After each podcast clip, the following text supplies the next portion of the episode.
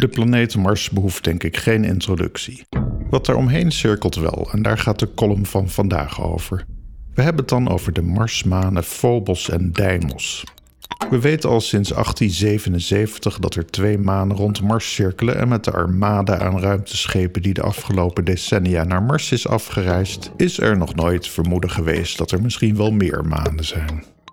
Bij planeten als Jupiter en Saturnus werden juist wel altijd nieuwe manen ontdekt als een ruimteschip zo'n planeet bezocht. Mars moet dus doen met twee manen. Die namen, Phobos en Deimos, stammen uit de Griekse mythologie. Wat wel weer grappig is, omdat Mars juist een Romeinse naam is. Mars was een oorlogsgod die bij de Grieken Ares heette. In de Griekse mythologie vergezelde Phobos angst en Deimos terreur deze Ares op het slagveld. Onze maand maart komt ook van de naam Mars trouwens. Dat was dan ook de maand dat de festiviteiten rond Mars veelal gevierd werden.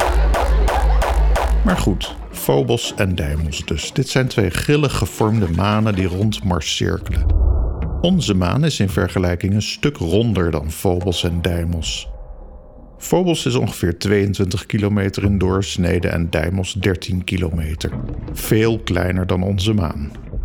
Deze Marsmanen cirkelen ook nog een stuk dichter om Mars dan onze maan rond de aarde draait.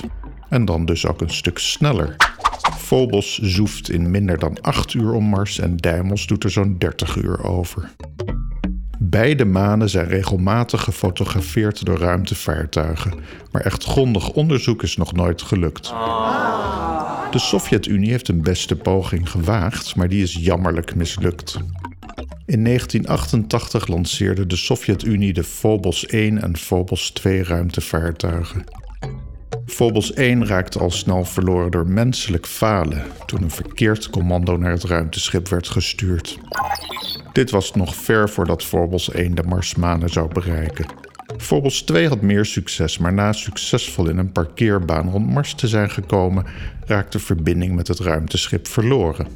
Dit is super jammer, want Phobos 2 had een lander aan boord die juist op de maan Phobos zou moeten landen. Er zijn wel allerlei plannen gemaakt in de geschiedenis en daarna weer gecanceld, maar voorlopig staat er op één uitzondering na niks concreets op stapel om de manen van nabij te onderzoeken. Die uitzondering, de Japanse MMX-missie, die zullen we aan het einde even bespreken. Oké. Dat Phobos en Deimos nog niet uitgebreid zijn onderzocht, komt misschien ook wel omdat onderzoek aan andere hemellichamen, zoals Mars zelf, de planeet Venus en manen verderop in ons zonnestelsel, zoals Europa en Enceladus, prioriteit hebben. Aan de andere kant zien we dat er allerlei nieuwe spelers in de ruimtevaart zijn bijgekomen. U kunt dan denken aan landen als China, India, Japan of zelfs commerciële partijen als SpaceX of Blue Origin. Dus wie weet wat er de komende jaren nog richting Phobos of Deimos gelanceerd zal worden. Wat maakt deze manen überhaupt interessant, kunnen we ons afvragen. Het antwoord is vooralsnog vooral wetenschappelijke nieuwsgierigheid. Lange tijd was het een groot raadsel hoe Mars aan deze twee manen is gekomen. Van onze maan weten we nu met grote zekerheid dat zij ooit onderdeel van onze aarde is geweest. Een impactgebeurtenis heeft onze maan ergens in de ontstaansgeschiedenis van ons zonnestelsel losgemaakt van de aarde. Maar hoe zit het dan met Phobos en Deimos? Gezien vanaf de zon komen we na planeet Mars de rotsblokkengordel tegen die we de planetoïden noemen. Dit zijn grillige rotsblokken van wisselende grootte die we ook elders in het zonnestelsel al tegenkomen. De gedachte was lange tijd dat zwaartekrachtinvloeden Phobos en Deimos hadden losgeweekt uit de planetoïdengordel en dat planeet Mars deze vervolgens zou hebben ingevangen.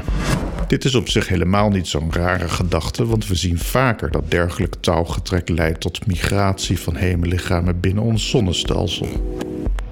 Zo bestaat dus het vermoeden dat sommige manen rond Jupiter en Saturnus eveneens ingevangen objecten zijn die niet op dezelfde plaats in het zonnestelsel zijn ontstaan als de planeten waar ze nu omheen cirkelen.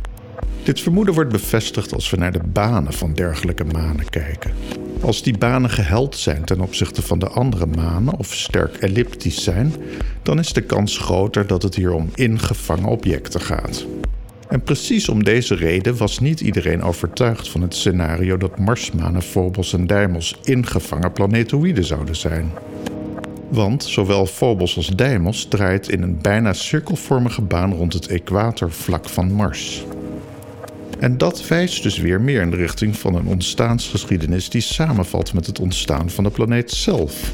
In column 145 hadden we het al over het raadsel dat Mars mogelijk door een impactgebeurtenis een verschil kent in de hoogte van het noordelijk en zuidelijk halfrond.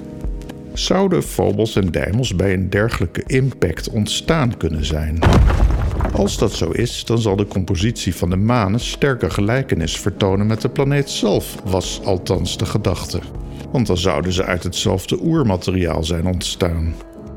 Dat zien we bijvoorbeeld bij onze aardse maan. Alhoewel er wel grote verschillen gevonden worden tussen maangesteente en aardsgesteente, kunnen dergelijke verschillen verklaard worden door het gebrek aan een atmosfeer- en weersysteem op de maan. Phobos en Deimos zijn op dit punt raadselachtiger, vooral omdat beide manen veel poreuzer zijn dan Mars zelf. Met andere woorden, de dichtheid, de densiteit van het materiaal waar de manen uit zijn opgebouwd is veel geringer. Twee onafhankelijke studies, waarvan de resultaten dit jaar gepubliceerd zijn, suggereren nu dat Phobos en Deimos daadwerkelijk ontstaan zijn uit een inslag op Mars. Maar niet op een wijze die tot nu toe werd aangenomen. Nieuwe simulaties met computers laten een plausibel scenario zien waarbij Phobos en Deimos zijn ontstaan uit een wolk van gas en gruis die ontstond na de impact met een groter hemellichaam. Dit is dus heel anders dan hoe onze maan waarschijnlijk is ontstaan, want bij onze maan gaan we ervan uit dat dit dus vooral een hap uit de aarde is die een eigen leven is gaan leiden. Phobos en Deimos daarentegen zijn dus misschien gevormd uit de wolk van materie die rond Mars ontstond na een impact.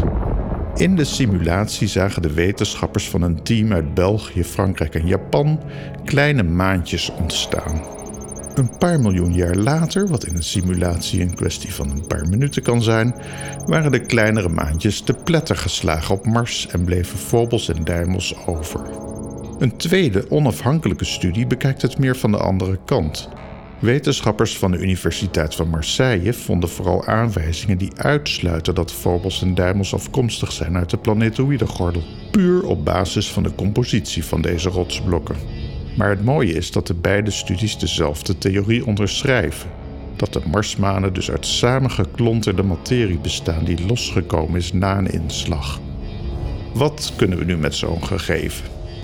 Allereerst is het nou weer interessanter om toch eens een sample return missie te vliegen naar de Marsmanen. Behalve het terugbrengen van materie naar de aarde voor verdere studie, zal zo'n missie ook een massa nieuwe gegevens verzamelen over de Marsmanen en deze in meer detail fotograferen dan ooit gedaan is. Maar er is nog iets wat gewoon mijn eigen hersenspinsel is. Als meerdere maanden zijn ontstaan in de geschiedenis van Mars, waarvan een deel weer terug is gevallen op de planeet zelf, dan moet dat in theorie althans ook terug te vinden zijn op het Marsoppervlak. Het zou natuurlijk wel heel toevallig zijn als een van de vele robotwagentjes die op dit moment rondkarren in de buurt komt van zo'n inslag. Maar het is wel boeiend om op te letten. Of er bijvoorbeeld in een inslagkrater materiaal wordt aangetroffen van een lagere dichtheid dan de rest van Mars. Dit zou de nieuwe theorie over het ontstaan van Phobos en Deimos immers ondersteunen. En ik had beloofd nog even terug te komen op een ruimtevaartuig dat de Marsmanen zal bezoeken. Het meest interessante voorstel wat op dit moment leeft is de MMX-missie van de Japanse ruimtevaartorganisatie JAXA. Dit project heeft specifiek een landing op de maan Phobos als doel, waarbij dan zo'n 10 gram materiaal teruggebracht moet worden naar de aarde. Deze MMX-missie is een internationale samenwerking tussen Japan, Europa en de Verenigde Staten. De bedoeling is dat MMX in 2024 wordt gelanceerd en een jaar later bij Mars arriveert. Rond 2028 hoopt men dan dat de sample van Phobos weer op aarde landt. Maar ja, toekomstmuziek dus. Heb voor uw plezier wat muziek uit 2028 opgehaald met mijn tijdmachine en dan laat ik het woord nu aan de meer dan fantastische Nelly Benner. Hey, hallo, dit is Nelly Benner van de podcast Wat je niet leert. Ja, dit is een podcast waar we thema's behandelen die je niet leert op school, maar waarvan wij vinden dat je ze wel had moeten weten. En we weten bijvoorbeeld helemaal niks van geluid. En dit geluid doet Hens Zimmerman dan ook voor ons. En Hens vroeg aan mij: Hey Nel, wil jij nou even het einde van deze podcast inspreken? Toen zei ik: Hens, natuurlijk. Dus heb je nou vragen over het heelal? Stuur ze dan naar hentzimmerman.gmail.com. Tot de volgende keer. Doei!